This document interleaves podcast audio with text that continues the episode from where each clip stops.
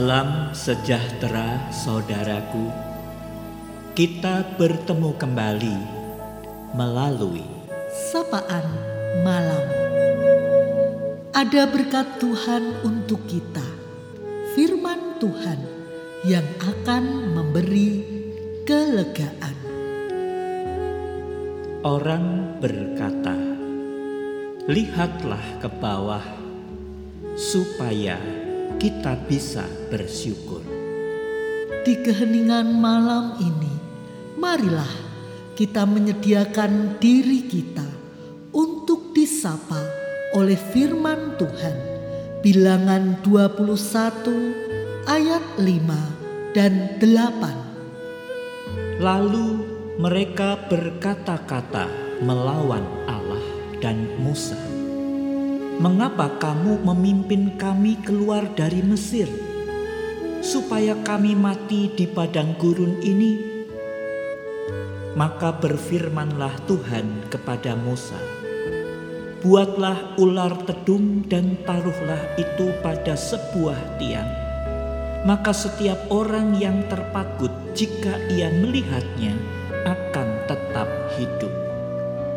Ketika umat Israel mengelilingi tanah Edom, mereka tidak dapat lagi menahan hati. Mereka merasa pantas marah dengan alasan tidak ada roti dan tidak ada air, dan makanan yang ada hambar dan terasa tidak enak bagi mereka. Lalu mereka berkata-kata melawan Allah dan Musa. Keadaan ini sama seperti ketika tanpa sadar manusia menolak hal-hal kecil yang membuatnya merasa tidak bahagia. Orang sering merasa sebagai orang yang paling menderita di dunia ini, padahal masih banyak orang di sekitarnya yang lebih menderita ketimbang dirinya.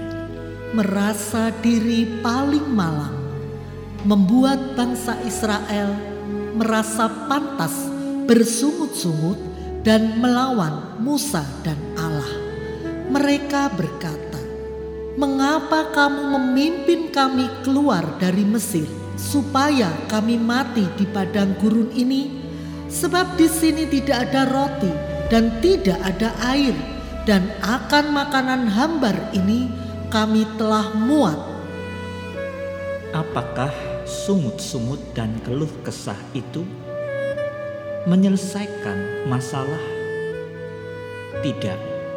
Keluh kesah dan sungut-sungut tidak dapat meringankan beban hidup yang tengah kita pikul. Terlebih dengan sadar melawan atau menentang Tuhan yang kudus dan yang rancangannya sempurna. Saudaraku, saat itu umat gagal mengendalikan diri hanya karena ingin memanjakan perut dan kepuasan diri. Mereka menyalahkan Tuhan dan Musa, dan semua sikap menentang Tuhan membuat Tuhan tidak berkenan. Atas kesalahan yang diperbuat umat Israel, Tuhan memberi pelajaran agar umat sadar atas kesalahan yang telah diperbuat. Tuhan mengajarkan agar setiap pribadi yang berdosa kembali sedia mendengarkan dan percaya kepada Tuhan. Maka berfirmanlah Tuhan kepada Musa, "Buatlah ular tedung dan taruhlah itu pada sebuah tiang.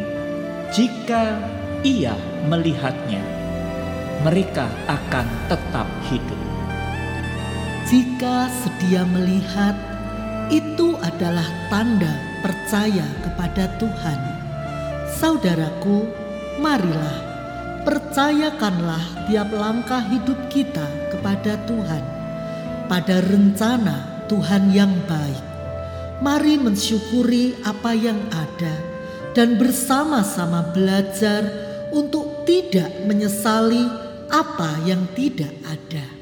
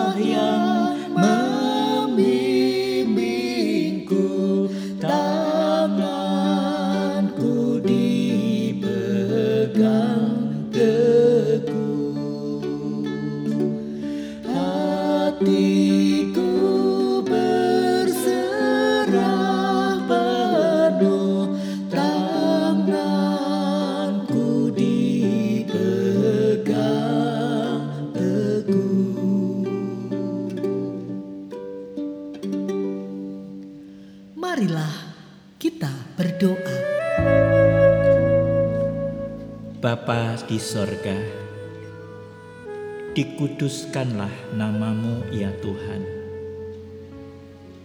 Bersyukur kami semua di malam hari ini. Kami dapat bertelut di hadapanmu, mengadakan waktu untuk berjumpa dengan Tuhan.